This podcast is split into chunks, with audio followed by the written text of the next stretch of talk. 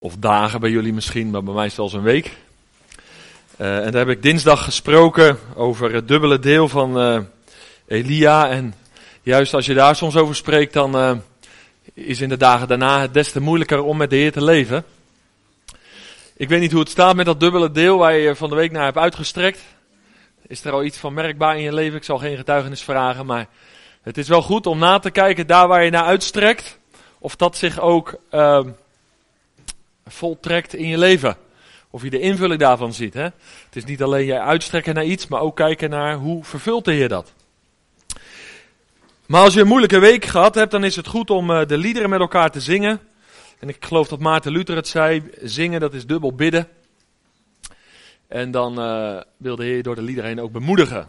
Het is ook mijn verlangen om zijn woord vanmorgen aan jullie door te geven. En we gaan met elkaar naar het uh, boek Openbaring. Inmiddels de laatste brief die we met elkaar gaan behandelen. En ik hoop echt dat je verlangend hier naartoe bent gekomen, dat je dat van tevoren al hebt doorgelezen wellicht, zodat je een beetje weet wat er gaat komen.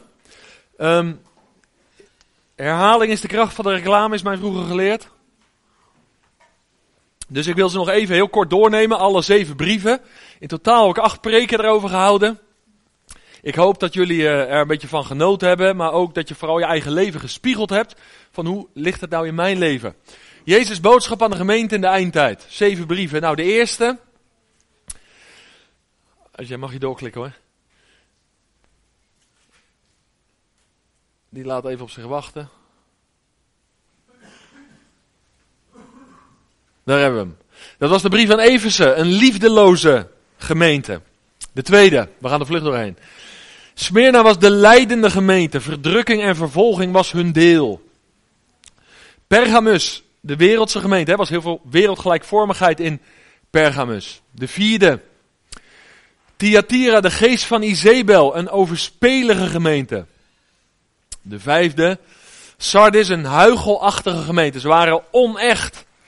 Ze hadden de naam dat ze leefden, maar ze waren dood. Philadelphia, de gemeente waar de Heer Jezus niets negatiefs over te zeggen heeft. En hun leven werd gekenmerkt door trouw. En vanmorgen de zevende gemeente. Je zou zeggen, nou, dat is de meest mooie, het getal 7, de volheid. En uiteindelijk is uh, Laodicea de gemeente die gekenmerkt werd door trots. Nou, wat mijn verlangen was, en dat heb ik niet alleen voor jullie verteld. Ik loop nog wel eens het gevaar als ik stille tijd hou, dan lees ik dingen en dan lees ik dat altijd voor degene die luisteren. En dat vind ik het allermoeilijkste in mijn leven om dan uh, te beseffen dat de Heer tot mij spreekt. Dus ook de dingen die ik ontdekt heb, die heeft de Heer allereerst tegen mij gezegd. Maar dat zijn eigenlijk uh, zeven situaties waarin je persoonlijk, dus individueel, maar ook de gemeente collectief in terecht kan komen. Liefdeloosheid kan grip krijgen op je hart. Lijden en verdrukking kan het gevolg zijn als wij trouw willen blijven in deze laatste dagen vlak voor de wederkomst. Wereldgelijkvormigheid ligt op de loer. He, beïnvloeden wij de wereld of beïnvloedt de wereld ons? Overspel, afvoeren. Nou, geestelijk kan je dat toepassen. Maar ook in de, in de natuurlijke zin, om het zo te zeggen. Uh, huichelachtigheid. Een mooi gezicht hebben, masker dragen. Maar van binnen eigenlijk leeg zijn. Is een gevaar. Wat uh, heel veel mensen niet ontdekken, waar weinig mensen doorheen prikken. Getrouwheid was een karaktereigenschap, is een karaktereigenschap van de Heere God zelf. En een van de meest bijzondere dingen, eh, als het gaat om de gezindheid van de Heer Jezus, is als wij vandaag die getrouwheid aan het licht mogen brengen. Als ons leven gekenmerkt wordt door trouw. In ons huwelijk, in ons gezin, in de gemeente, de plaats waar we wonen en werken. Maar als laatste gaan we nadenken over de trotse gemeente. Trots en uh, een vermeende, ingebeelde rijkdom, uh, dat leidt tot, uh, tot chaos in je leven. En dat is eigenlijk waar Laodicea over gaat. Maar de Heer wil ons, laat dat heel duidelijk zijn, voor struikelen bewaren. Hè? Dus dit is niet, dit zijn geen zeven uh, verschijnselen uh, om ons negatief te maken. Nee, het is ons juist uh, gegeven om als christelijke gemeente Amsterdam waakzaam te zijn, om nuchter te zijn, om bij de les te blijven. Het is eigenlijk heel positief dat de Heer ons hiermee bekend maakt. Amen zodat wij niet in deze valstrikken stappen. En dat we weten waar de valkuilen liggen. Nou, daar ben ik blij mee. Het is niet altijd makkelijk om het aan te horen. Maar het is een mooi overzicht, toch? En hij is bij machten, de Heer Jezus Christus, om ons voor struikelen te bewaren. En hij komt spoedig. Nou, tot zover even de samenvatting. Nou is alles weer fris, want er is inmiddels wel een jaar overheen gegaan, geloof ik, dat we deze dingen behandeld hebben. Laten we de brief aan Laodicea gaan lezen. We lezen vers uh, eh, 14 tot en met 22 van Openbaring, hoofdstuk 3. Ik ga proberen wat belangrijke uh, uh, principes eruit halen. Er zijn natuurlijk heel veel dingen die komen overeen met andere brieven. Dus hier en daar laat ik wat liggen, maar ik wil de kern eruit halen. Schrijf aan de engel van de gemeente in Laodicea, dit zegt de Amen. De getrouwe en de waarachtige getuige. Het begin van Gods schepping. Ik ken uw werken en ik weet dat u niet koud en niet heet bent. Was u maar koud of was u maar heet? Hele aparte uitspraak eigenlijk van de Heer Jezus. Maar omdat u lauw bent en niet koud en ook niet heet, zal ik u uit mijn mond spuwen. Want u zegt, ik ben rijk en steeds rijker geworden en ik heb aan niets gebrek. Maar u weet niet dat juist u ellendig, beklagenswaardig, arm, blind en naakt bent. Ik raad u aan dat u van mijn goud koopt, gelouterd door het vuur, opdat u rijk wordt. Witte kleren, kleren, opdat u bekleed bent en de schande van uw naaktheid niet openbaar wordt. En zalf uw ogen met ogenzalf, opdat u zelf zult kunnen zien. Ieder die ik lief heb, wijs ik terecht en bestraf ik. Heel positief dus. Wees dan ijverig en bekeer u. Zie, ik sta aan de deur en ik klop. Als iemand mijn stem hoort en de deur opent, zal ik bij hem binnenkomen en de maaltijd met hem gebruiken. En hij met mij. Wie overwint, zal ik geven met mij te zitten op mijn troon, zoals ook ik overwonnen heb en mij met mijn vader op mijn troon, op zijn troon gezet heb. Wie oren heeft, laat hij horen wat de geest tegen de gemeenten zegt. Tot zover dit stukje. Ik hoop echt dat je, als je hier bent en je beleid niet alleen natuurlijke, maar ook geestelijke oren te hebben, dat je verlangend bent en uitziet wat de Heer tegen je gaat zeggen. En dat je ook gefocust bent vanmorgen. Als we nadenken over Laodicea, dan is het wel interessant uh, om maar te beginnen met de naam. Als je die naam uit elkaar haalt en uh, opsplitst, dan uh, krijg je eigenlijk, zou je hem kunnen splitsen in twee delen. Je hebt aan de ene kant Laos, volk. En aan de andere kant heb je het woord Dicea en dat betekent spreekt, oordeel. Je zou kunnen zeggen, in de gemeente van Laodicea spreekt het volk. Heeft het volk het voor het zeggen? Nou, er kan er maar één spreken om het zo te zeggen. Dus als het volk spreekt, wie moet dan zwijgen? De Heer Jezus. Dat is altijd het gevaar. Als, als, als de mensen de boventoon gaan voeren, als die het voor het zeggen krijgen in de gemeente, als die gaan spreken, dan moet de stem van God gedempt worden. Dat is wel een hele belangrijke betekenis. Het volk had het hier voor het zeggen. En dit is de brief waarin de Heer Jezus geen enkel compliment weggeeft. Dat is toch best aangrijpend. Maar weet je wat ik ontdekt heb in de voorbereiding? De Heer Jezus, eh, en, en ik zeg niet dat ik heel positief over deze brief ben, maar wat mij wel opviel is dit. De Heer Jezus is over de gemeente, die er zogezegd geestelijk het minste aan toe is, enorm bewogen. Want als ik zijn liefde proef uit deze woorden en, en zijn actie en werkzaamheden om die gemeente tot inkeer te brengen, dan zie ik dat bij de uh, meest diepgevallen gemeenten dat het meest tot uiting komt. En dat heeft mij wat te zeggen. Misschien ervaar je dat soms wel eens. Ik ben nogal zwart-wit, Annette die weet daarvan en jullie ervaren het misschien ook wel, maar dit leert mij wel dat Heer Jezus bewogenheid heeft met, met individu, individuen, maar ook met het collectief van de gemeente, waar het het minst goed aan toe gaat. Terwijl ik al snel ermee. Ja, dat durfden jullie niet harder te zeggen, maar zo leeft het ook een beetje in jullie hart. Terwijl ik er al snel klaar mee ben. En als dit dan de gemeente is, zeven perioden, waarvan je zou kunnen zeggen, het is het kenmerk, het zijn de kenmerken van die laatste, van die zevende periode, de tijd vlak voor de wederkomst van de Heer Jezus. Als de geestelijke gesteldheid van de gemeente enorm uh, is gedaald, dan juist blijkt de bewogenheid van de Heer Jezus. Dat is toch bijzonder, of niet? In de tijd waarin wij zeggen, jongen, jongen, het is toch wat vandaag? De jeugd van tegenwoordig? Nou, dat kwam bij mij wel binnen. Aan die gemeente, en jongelui, dat mag je bemoedigen, eh, richting die gemeente is de Heer Jezus het meest bewogen. En daaruit blijkt dat hij niet wil dat er enige verloren gaan, maar hij wil altijd dat er inkeer plaatsvindt. Dus, samenvattend, het is altijd te vroeg om het op te geven. En dat is belangrijk. De Heer Jezus is bewogen.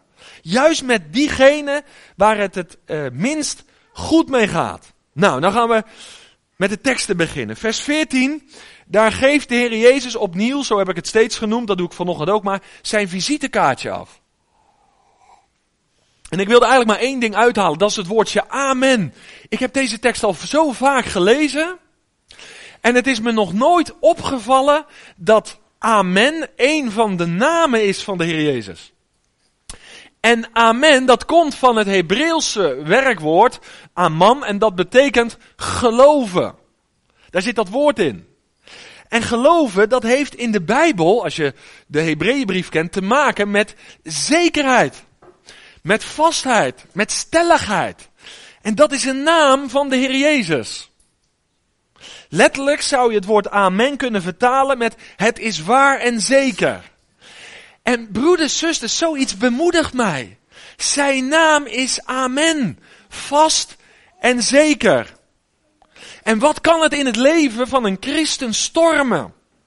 En wat kan het in deze wereld stormen? En wat kan je jezelf afvragen? Waar gaat het heen? Met de christelijke gemeente vandaag. Althans, als je de werkelijkheid onder ogen wil zien. daar komen we straks nog op. Maar welke kant gaat het op? En dan openbaart hij zich als de Amen. Nou, daarom is het belangrijk dat ons geloof zich richt op de Heer Jezus. een beetje dogmatisch uitgedrukt noemden wij dat vroeger. De Heer Jezus is het voorwerp van het geloof. Ik heb niet zoveel aan mijn geloof. Dat zeggen mensen nog wel eens. Ik heb zoveel steun aan mijn geloof, maar aan je geloof heb ik niet zoveel. Het geloof is het instrument wat mij met Hem verbindt. Wiens naam is? Amen. Vast en zeker. En daarom mag je in welke situatie je ook bevindt, hoop hebben en verwachting als je geloof gericht is op de Amen. En daar hebben we elkaar voor nodig.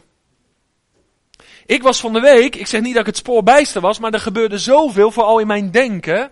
Kwam zoveel binnen van allerlei kanten, dat dat zicht op de Amen een beetje vertroebeld raakt.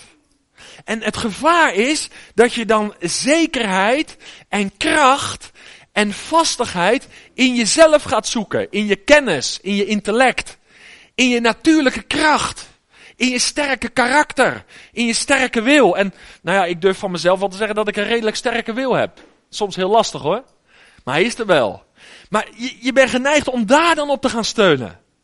Maar weet je, daar word je doodmoe van. Duurt even. Je houdt het lang vol. Maar als je er heel lang uit moet gaan leven uit je eigen kracht. En dan wordt je hoofd weer gericht op de amen. Nou, ik weet niet hoe jullie zo'n naam oppakken, maar ik ben er enorm door bemoedigd. En dat woord amen, die naam, die wordt verder toegelicht door de toelichting. Hij is de getrouwe en de waarachtige. Dat wil eenvoudig zeggen, hij openbaart zich op de wijze zoals de Vader wil. Ik moet het anders zeggen. De Heer Jezus is de trouwe uh, een vertaling, openbaring, veel sterker, van wie de Vader is. En hij is het begin van de schepping. Dat is het laatste van zijn visitekaartje. En blijf luisteren. Want dat is zo belangrijk. Paulus die uh, noemt in Kolosse 1 vers 15 de Heer Jezus de eerstgeborene van heel de schepping. En ik vind dat best wel lastig om dat uh, te duiden. Hoe moet je dat nou zien? Je zou kunnen zeggen hij was er al. En hij zal er altijd zijn. Maar ik denk dat het vooral dit is. Samenvattend. De Heer Jezus. Hij is de bestaansreden van alles wat bestaat. Moet je even over nadenken. de bestaansreden van alles wat bestaat. Hij is de oorsprong van alle dingen. Hij is het begin, hij is het einde. Vanwege hem bestaan wij. Leven wij. En zijn wij. En daarom zegt Paulus in de Romeinenbrief ook zo mooi: in hem leven wij en in hem bewegen wij. Want Paulus was er diep van overtuigd dat Jezus de bestaanreden is van alle dingen die bestaan. Nou, waarom opent Heer Jezus zo? Ik heb steeds in elke brief gezegd, zijn visitekaartje zegt iets over de situatie in die gemeente. Had daar betrekking op. En ik geloof, als we verder komen zullen we dat zien, dat deze waarheden over de Heer Jezus, over zijn naam zijn werk, zijn persoon, stonden onder druk. Juist als het gaat, houd dat even vast, de waarachtige, de betrouwbaar, dat stond onder druk. En juist zo openbaart Jezus zich. Mag ik eens vragen, in de omgang met de Heer, laat hij wel eens iets van zichzelf zien. Ik hoop dat je dat kent. Maakt hij iets van zichzelf bekend. En soms denk je wel eens in de wandel met hem, waarom laat hij op dit moment dit aan mij zien? Waarom komt dit in mijn gedachten, in mijn hart op? Of het nou gaat om zijn naam of om zijn werk of om. Maar in mijn leven heeft het dan heel vaak te maken met een bemoediging op een bepaald terrein, een correctie op een bepaald gebied. En zo openbaart hij zich. Herken je dat? Ik hoop van wel. Jullie antwoorden nog niet volmondig ja. Maar, want hij openbaart zich altijd in, in lijn met jouw situatie. Wat je op dat moment nodig hebt. Nou, vervolgens gaan we verder, die werken van Laodicea. Het opmerkelijke is uh, dat daar niet zoveel over genoemd wordt. Het is heel opmerkelijk. Er staat, ik weet ze. Maar in de andere brieven wordt heel vaak invulling gegeven aan wat die werken dan zijn. Of ze nu goed zijn of fout zijn. Maar in Laodicea, lees het maar na, ze worden niet echt geduid. Nou, ik denk toch dat we wel wat kunnen weten. Bladen met mij naar Colossense 2. Dan blijf je er een beetje bij, want de kachel staat hoog hier. Want ik zie sommigen alweer een beetje staren allemaal. Maar het is belangrijk dat je erbij blijft. De werken van Laodicea, denk ik dat die toch wel bekend kunnen zijn bij ons. Ik heb van de week, dat vind ik altijd voorrecht als je door zo'n stukje heen gaat, wat achtergrondinformatie opgezocht. En, en dit is heel belangrijk, ook als het gaat om die naam van zojuist. In Laodicea was sprake van gnostiek. En, en gnostiek is een vorm van religiositeit. En die geeft toegang, gnostiek, tot een hogere, geestelijke wereld. Ik laat het nog even een beetje vaag, hè. Maar, gnostiek geeft die ruimte, geeft die toegang. En die leidt je naar een hogere wereld. En in die uh, gnostiek, en, en dit is eindtijd, dat geloof ik echt. En, en dit is ook binnen de kerk actief.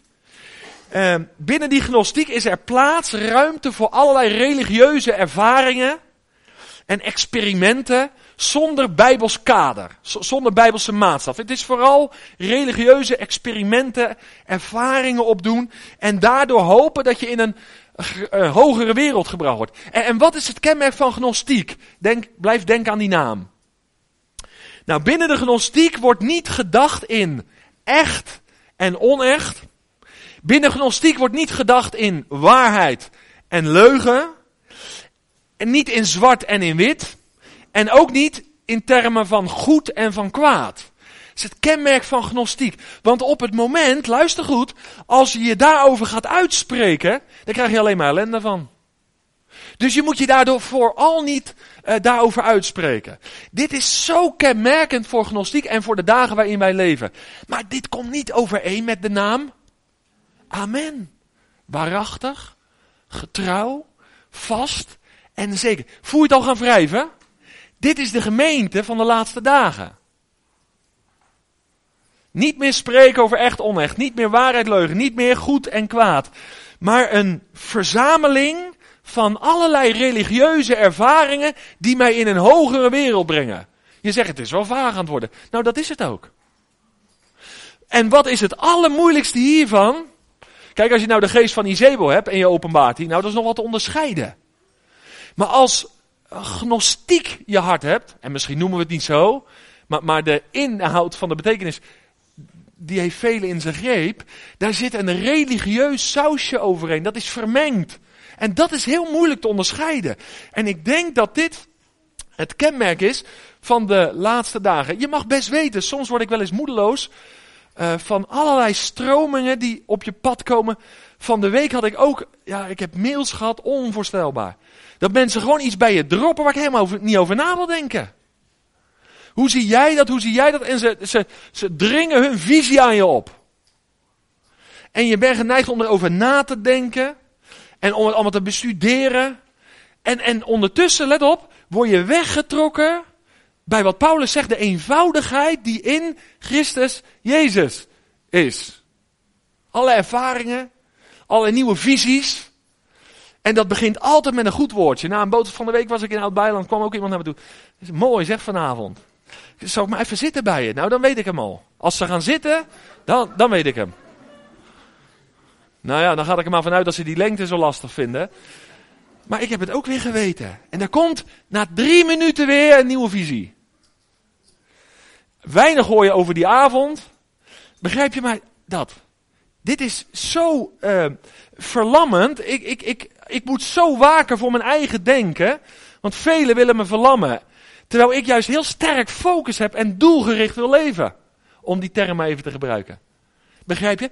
Maar die religieuze ervaringen zijn gevaarlijk. Nou, ik hoop dat het duidelijk is. Maar je komt, luister goed, door al die religieuze ervaringen en experimenten in een schijnwereld. Dit is Laodicea. Je komt in een schijnwereld terecht. Nou, je zal zeggen, vind je dit dan terug in de Bijbel? Nou, dan gaan we even naar Colossense 2, daar ben je inmiddels. Uh, als je op de naam Laodicea gaat zoeken, dan vind je die naam alleen in het boek Openbaring en in Paulus' brief aan Colosse. En wat staat er dan in vers 1? Lees maar even mee. Want ik wil dat u weet hoe groot de strijd is die ik voer voor u en voor hen die in Laodicea zijn. Ik kom er zo nog wel op. Colosse lag vlakbij Laodicea. Als ook voor zoveel die mij nooit in levende lijf hebben gezien. Opdat hun hart bemoedigd mogen worden. Samengevoegd in de liefde. En ze tot, een heel, tot heel de rijkdom van de volle zekerheid van het inzicht mogen komen om het geheimenis te leren kennen van God en van de Vader en van Christus. En dan komt hij, in wie al de schatten, het gaat over rijkdom vanmorgen, vermeende rijkdom, in wie al de schatten van wijsheid en van kennis verborgen zijn. En dan vers 4, en dit zeg ik, hoor je dat? De echte rijkdom in Christus, dit zeg ik opdat niemand u misleidt met mooi klinkende redeneringen. Dit is wat er heel veel op ons afkomt. Het klinkt heel aannemelijk. Het klinkt ook heel geestelijk. En mensen hebben soms ook nog een scheef gezicht bij als ze dat je vertellen. Dus dan zou je ze bijna gaan geloven. Maar het zijn heel vaak mooi klinkende redeneringen. En ik ontmoet zoveel mensen die op een dwaalspoor raken, die het niet meer weten. Die innerlijk verlamd raken door deze dingen. En lees ook vers 8 nog even. Daar staat pas op dat niemand u als een buit meesleept. Slepen, hè, dat gaat vaak langzaam, hè? Maar je wordt wel meegesleept. Je wordt wel naar een andere plek getrokken, een andere positie. En wat staat er dan nog meer? Door de filosofie en inhoudsloze verleiding, volgens de overlevering van mensen, volgens de grondbeginselen van de wereld, maar niet volgens Christus. Nou, hier zie je vermenging. Dit is gnostiek, dit is vermenging. En luister goed, dan zou je het zo heel duidelijk gaan vatten.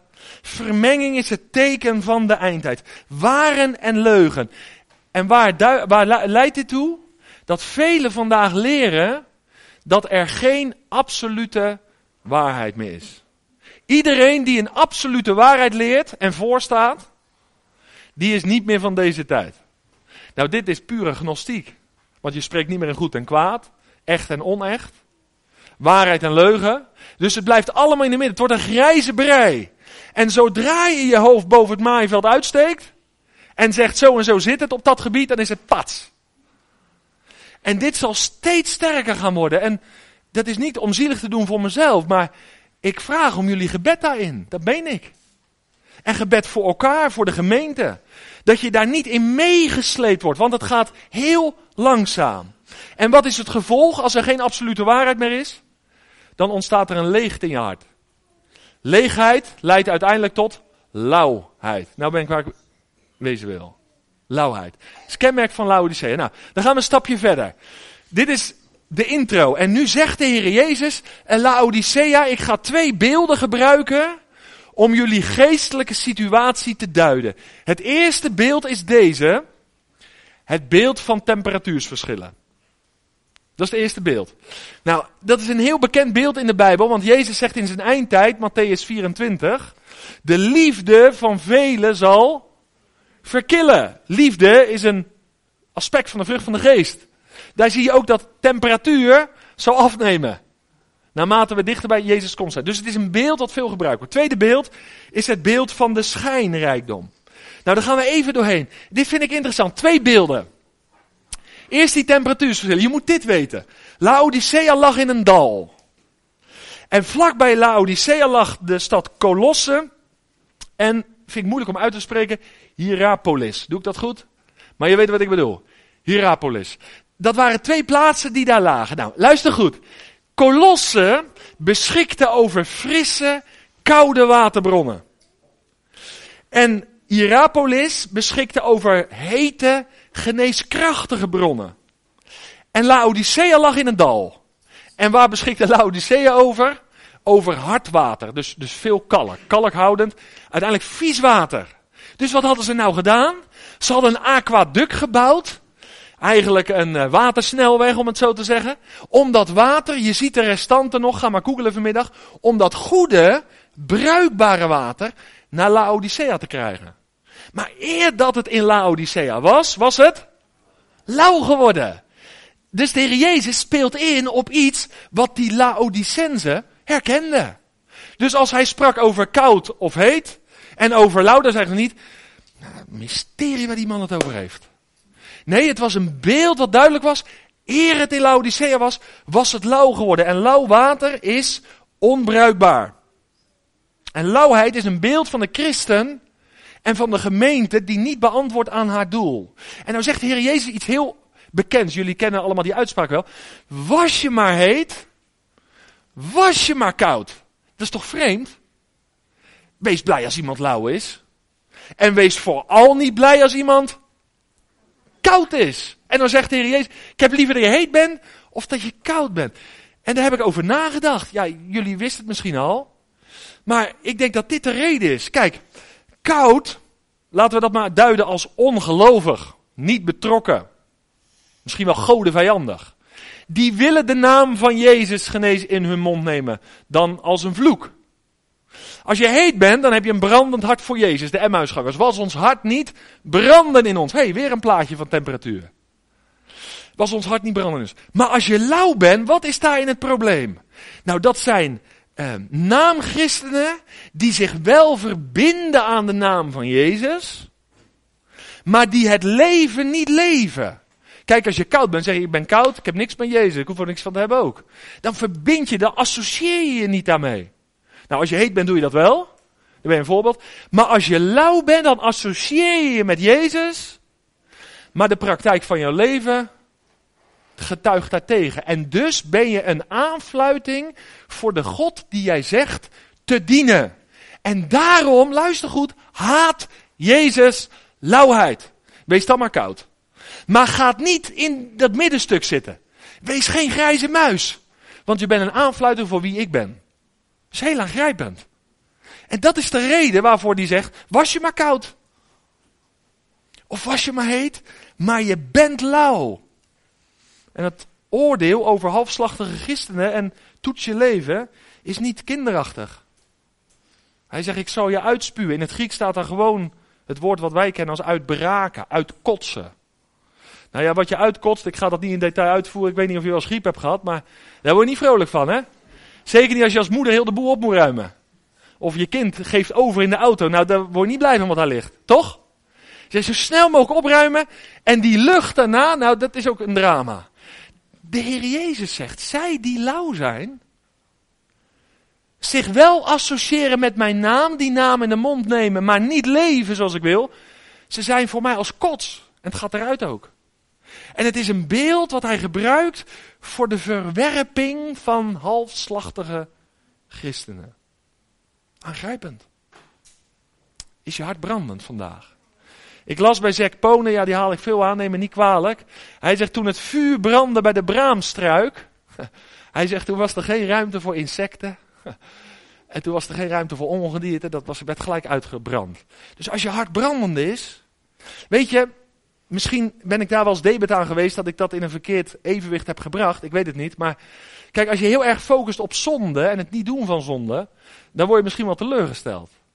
Maar als je heel erg focust op het krijgen en behouden van een brandend hart, nou dan vind ik dat beeld wel mooi. Want als je hart brandt, en ik herken het uit mijn eigen leven, als er minder vuur is in mijn hart, liggen de zon op de loer en vind ik ze aantrekkelijk. Maar als mijn hart brandt, ja, ik denk er ineens aan, geloof me. Denk er ineens aan. Dus ongedierte, insecten, wat er, ze krijgen geen ruimte, worden gelijk weggeschud. Zodra ze binnenkomen, verbrand. Dat is een mooi beeld. En dan ben ik niet meer vergeten. Brand je hart nog voor de Heer Jezus. Tweede beeld. Ik moet de tijd een beetje in de gaten houden. Dat is vers 17 en 18, het beeld van schijnrijkdom. Nou, dan moet je ook dit weer onthouden. Laodicea lag aan een handelsroute. Dus net een belangrijk beeld over dat water, hè, dat pak je wel. En het tweede, wat de Heer Jezus hier gebruikt, waar hij een toespeling op maakt, is de rijkdom van Laodicea. Want het was een hele rijke stad. Ze lagen op een ideale plek op de handelsroute en er werd gewoon ja, geld verdiend. En goed geld ook. En geld aan zich is een zegen. Laten we niet negatief doen over. Ik ben blij dat er mensen in mijn omgeving zijn die veel geld hebben. Begrijp je waarom? Die steunen me vaak. Als zij er niet waren. Dus geld kan een geweldige zegen zijn. Maar geld kan ook iets bewerken in jou en mijn hart. Dat we uiteindelijk, we zeggen het niet, maar innerlijk diepe overtuiging, ik heb God eigenlijk niet nodig.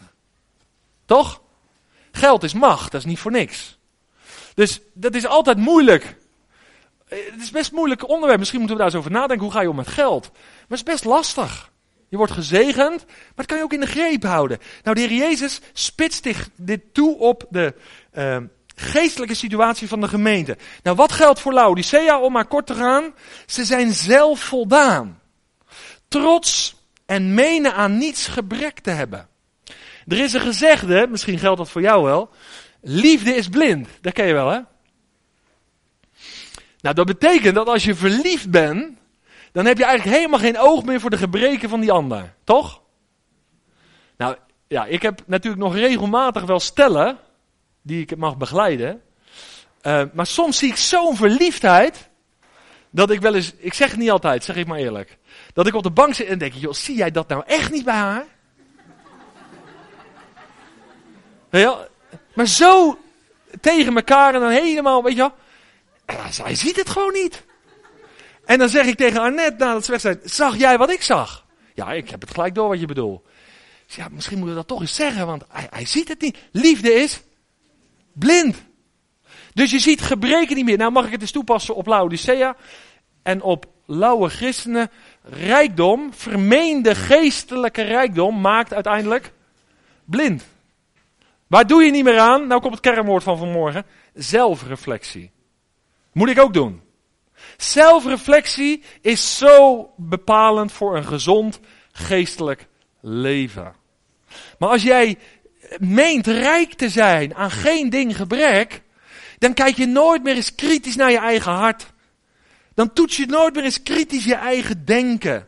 Vermeende geestelijke rijkdom leidt ertoe dat het totaal ontbreekt aan zelfreflectie. En dan kom je, schrik niet, ook geestelijk op het punt dat je zegt: Ik heb tegen God eigenlijk helemaal niet nodig. En misschien komt er dan wel eens een scherpe preek en zeg je: Nou ja, ook wel een beetje overdreven die man hoor. Moet wel reëel zijn. Maar een stukje zelfreflectie, ik denk dat dat het kenmerk is van een gezonde, volwassen christen. Luister nu goed, niet om heel je geestelijk leven in twijfel te trekken. Daar gaat het helemaal niet om. Maar wel om te reflecteren. Zeg, oké, wie, wie ben ik nou eigenlijk? Ik, ik, ik meen wel heel veel te hebben, maar nou komt hij, zo kijk ik ernaar. Maar de vraag is, Hoe kijkt de Heere God ernaar? Nou, hij geeft vijf kwalificaties, daar komt hij. Laodicea, jullie zijn ten diepste ellendig. Dat wil zeggen, je bent ten diepste ongelukkig. Tweede, hij zegt, je bent beklagenswaardig. Met, met andere woorden, je bent te beklagen. Je wekt uiteindelijk medelijden op in mijn hart. Jullie situatie.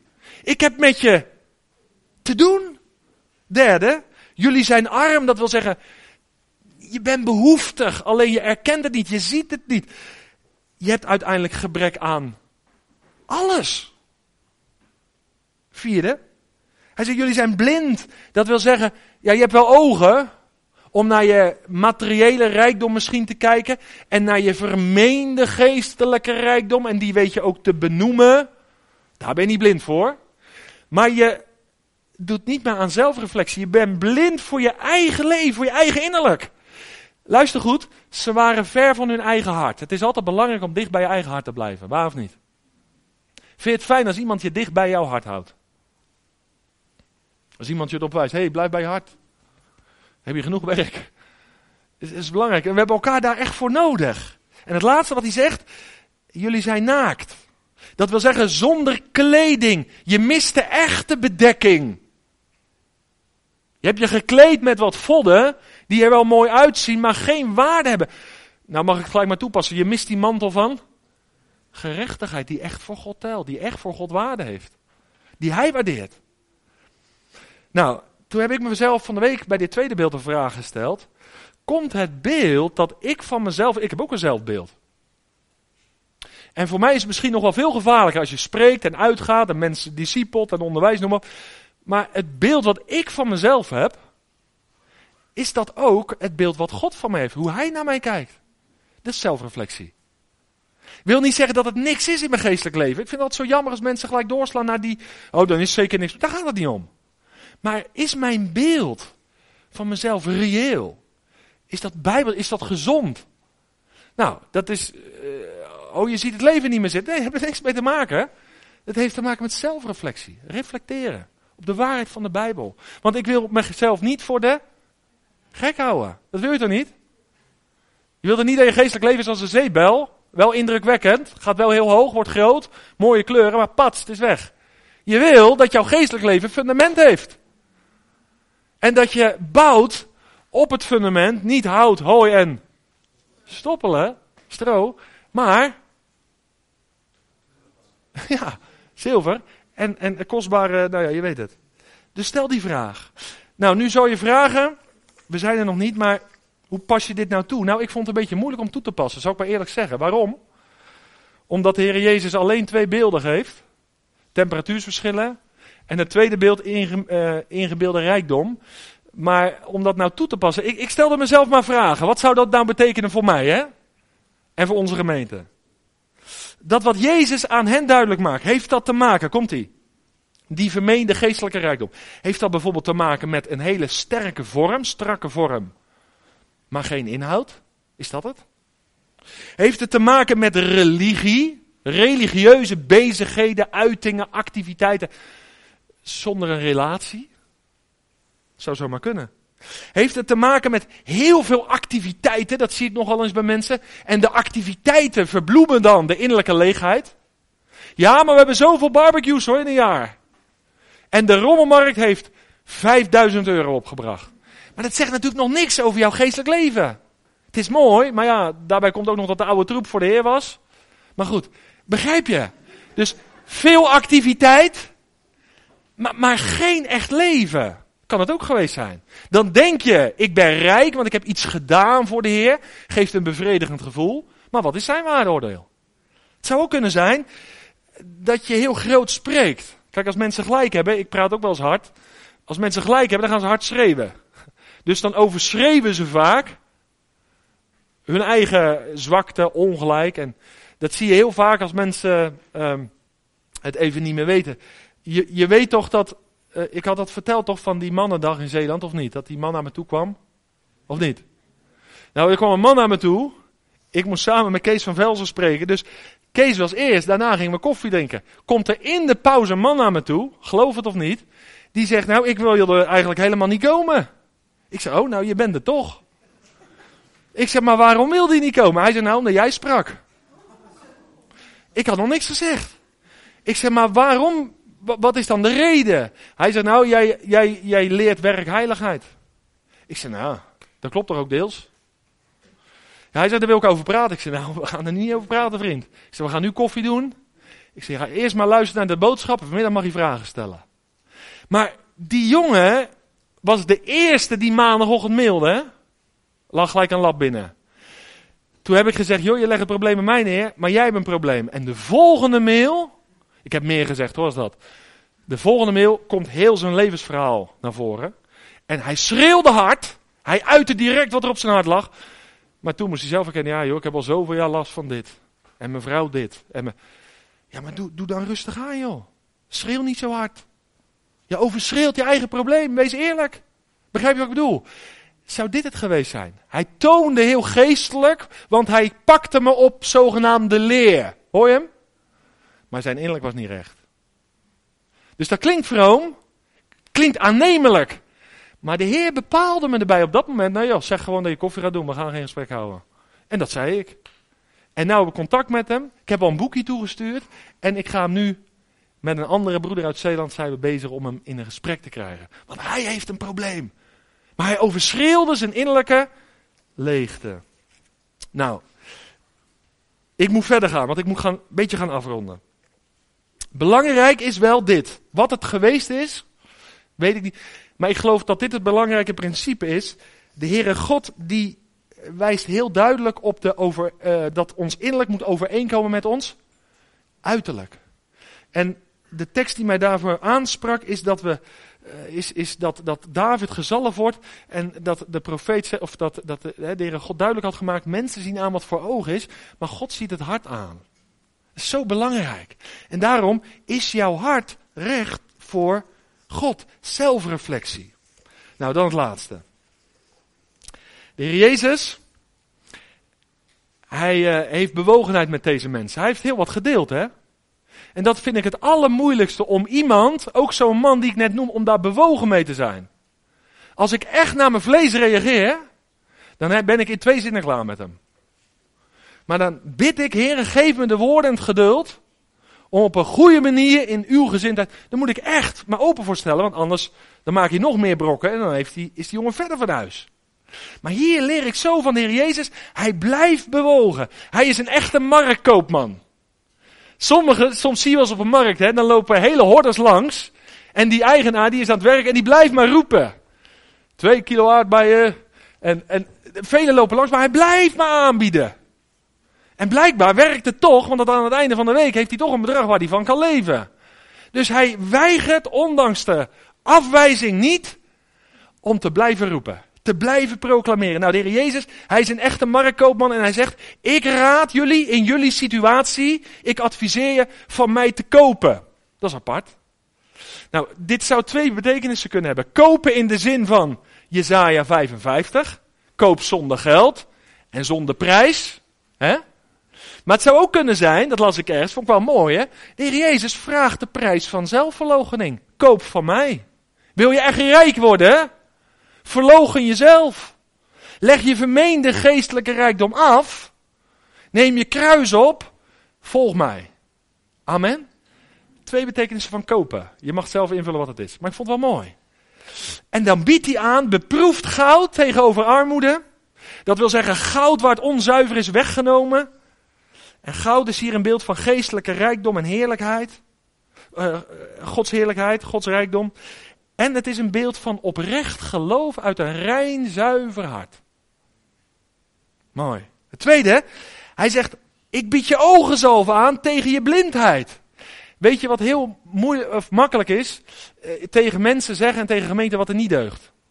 Maar het is zo mooi van de Heer Jezus. Als hij diagnose stelt, zegt hij niet, nou ja, hier heb je de diagnose.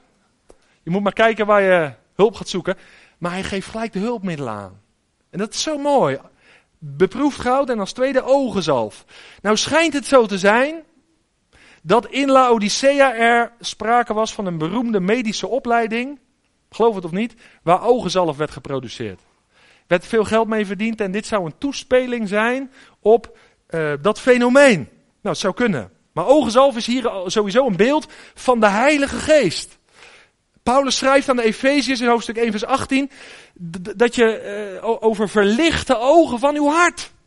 Met andere woorden, je gaat de dingen bekijken, ook in je eigen leven en om je heen, vanuit het licht van de Heilige Geest. En de Heilige Geest leidt in de waarheid en de waarheid maakt. Dat is mooi. Het derde, het laatste. Hij biedt witte kleding aan tegenover naaktheid. Nou, naaktheid in de Bijbel is heel vaak een, eh, een beeld van oordeel. Dat je niet naakt bevonden zal worden. Dat je uiteindelijk in het oordeel terecht zal komen. Dus dat is een beeld van het oordeel. Maar de Heer Jezus zegt: nee, ik, ik wil niet dat je in het oordeel terechtkomt. Maar ik wil dat je als een overwinnaar binnenkomt en je krijgt daarom een wit kleed. Ik wil je die overwinning schenken door mijn zoon. En dat witte kleed staat dan ook voor overwinning en reinheid. En ik durf het wel toe te passen om te spreken over de mantel van de gerechtigheid waarmee de trouwe volgelingen van Jezus bekleed zijn. Nou, en dit aanbod gaat gepaard met een appel op het hart in vers 19. En dat doet de Heer Jezus middels terechtwijzing en bestraffing. Het is zo belangrijk om die woorden vanuit het Grieks te bestuderen. Want anders dan, dan, dan slaan we de bewijs van spreken op los. Begrijp je wat ik bedoel? Maar hier staat voor het woord terechtwijzen in het Grieks het woord opvoeden, tuchtigen. Met een strenge hand aanleren. Wil je dat even onderstrepen? Dat is heel positief. Met een strenge hand aanleren, opvoeden. En bestraffen wil in het Grieks zeggen weerleggen. Corrigeren van het verkeerde. Nou, bestraffing, terechtwijzing zijn allebei heel positief. En nou komt hij. Het zijn bewijzen, bewijsstukken van wat? Gods liefde. Geloof je dat? Ik vind dat heel moeilijk soms. Maar als ik het in dit kader zie van opvoeding, met een harde hand aanleren, als ik het zie in het kader van correctie, dat betekent, luister goed, als ik niet meer gecorrigeerd word in mijn geweten en ik zondig, dan ben ik verder weg, veel verder weg, dan dat ik een zonde bega en wel gecorrigeerd word. Begrijp je het verschil? Want correctie, opvoeding, tuchtiging is een blijk van de liefde van God voor mij. Dus als ik mijn kinderen tuchtig, als ik hen bestraf, als ik hen vermaan, dan is dat blijk van mijn liefde. Dat is best lastig om over te brengen. Maar we zijn ermee bezig en we gaan ermee door. Maar zo is het ook met onze hemelse vader. Zou je dat onthouden? Soms denk je wel eens, hij is afwezig. Nee, hij is juist met je bezig. Bekeer je daarom, als dit je deel is. Metanoia, kom tot je verstand. En het laatste, vind ik zo bijzonder. En dat raakt mij wel. Met dat de Heer, ik, ik hoop dat je het een beetje visualiseert. De Heer Jezus is bezig om die gemeente terug te winnen. Hè? Want bekering betekent hier de Heere God opnieuw de hoogste plek in je leven te geven. Dat is hier bekering. Nieuwe toewijding maken. Maar hij doet dat. Hij doet dat aanbod terwijl hij buiten staat. Hij staat aan de deur. Dat is bewogenheid toch? Hij klopt. Hij weet de ellende binnenshuis. En hij blijft niet buiten ongevoelig staan. Maar hij staat aan de deur en hij klopt. Hij biedt zich aan. En ik las dit. Dat is heel mooi. Dan begrijp je het plaatje. In Laodicea waren Romeinse ambtenaren die in elk huis onderdak konden afdwingen. Dus zij belden, klopten bij jou aan en zij dwongen onderdak af en dan was je verplicht hen toe te laten. Nou ja, dat riep natuurlijk veel weerstand op in Laodicea. En nou komt de Heer Jezus, die gebruikt dat beeld, maar die breekt niet in als in een kraakpand. Die, die dwingt niet iets af, maar die klopt, die nodigt, die doet een aanbod als een echte marktkoopman.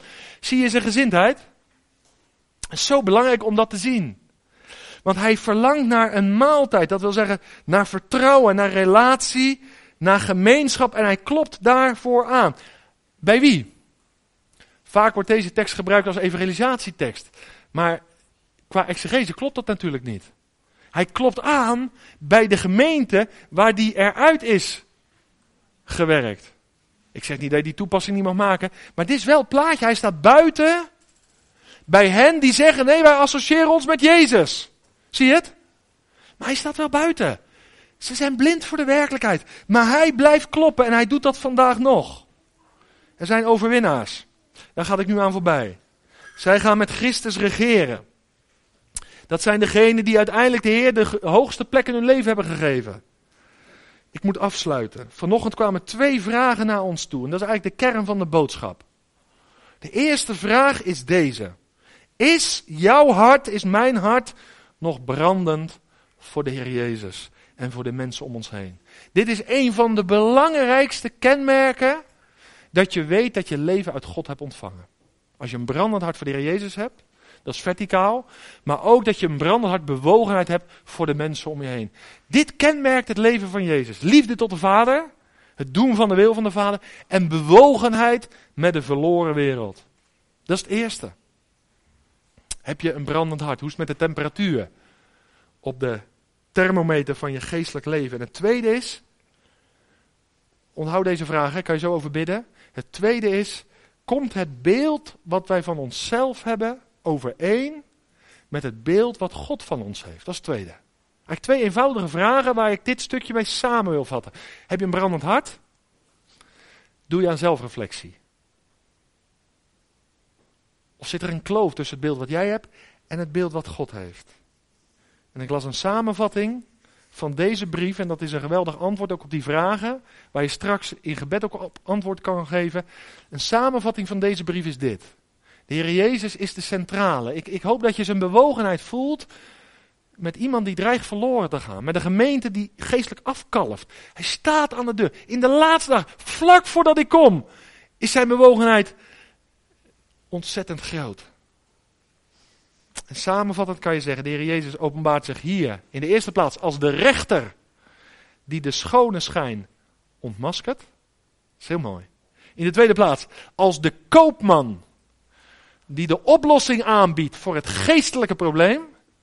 En in de laatste plaats als de gastheer die een dwalende gemeente opnieuw zijn vriendschap biedt. Is mooi toch? Hij is de rechter, ontmaskering. Hij is de koopman, de oplossing. Hij is de gastheer. Hij biedt zichzelf en zijn vriendschap aan, zijn gemeenschap. Het lijkt me goed als we stil worden voor de Heer. Dat we een moment nemen om op die twee vragen een antwoord te gaan geven. Om daarover na te denken voor jezelf. En wees vrijmoedig in het uiten daarvan. Misschien wil je iets beleiden naar de Heer toe. Dat kan. Misschien wil je een nieuwe toewijding maken. Hij is de amen, de waarachtige, de getrouwe. Jouw leven wisselt. Hij is de constante factor in ons leven. En hij zegt vanmorgen: Heb je nog een brandend hart voor mij en voor de mensen in jouw omgeving? En in de tweede plaats daagt hij je uit om het beeld wat je van jezelf hebt te leggen naast de bijbelse maatstaven van een toegewijde christen. Ik zal afsluiten en ik wil straks de muziekgroep vragen om een gebed met ons te gaan zingen. Opwekking 343. Je kan de beamer alvast aanzetten. Heilige Geest van God, vul opnieuw mijn hart. Maar laten we eerst de tijd nemen om de Heer te zoeken. En dan zingen we daarna dat lied. Wees vrijmoedig daarin en uit je naar de Heer toe.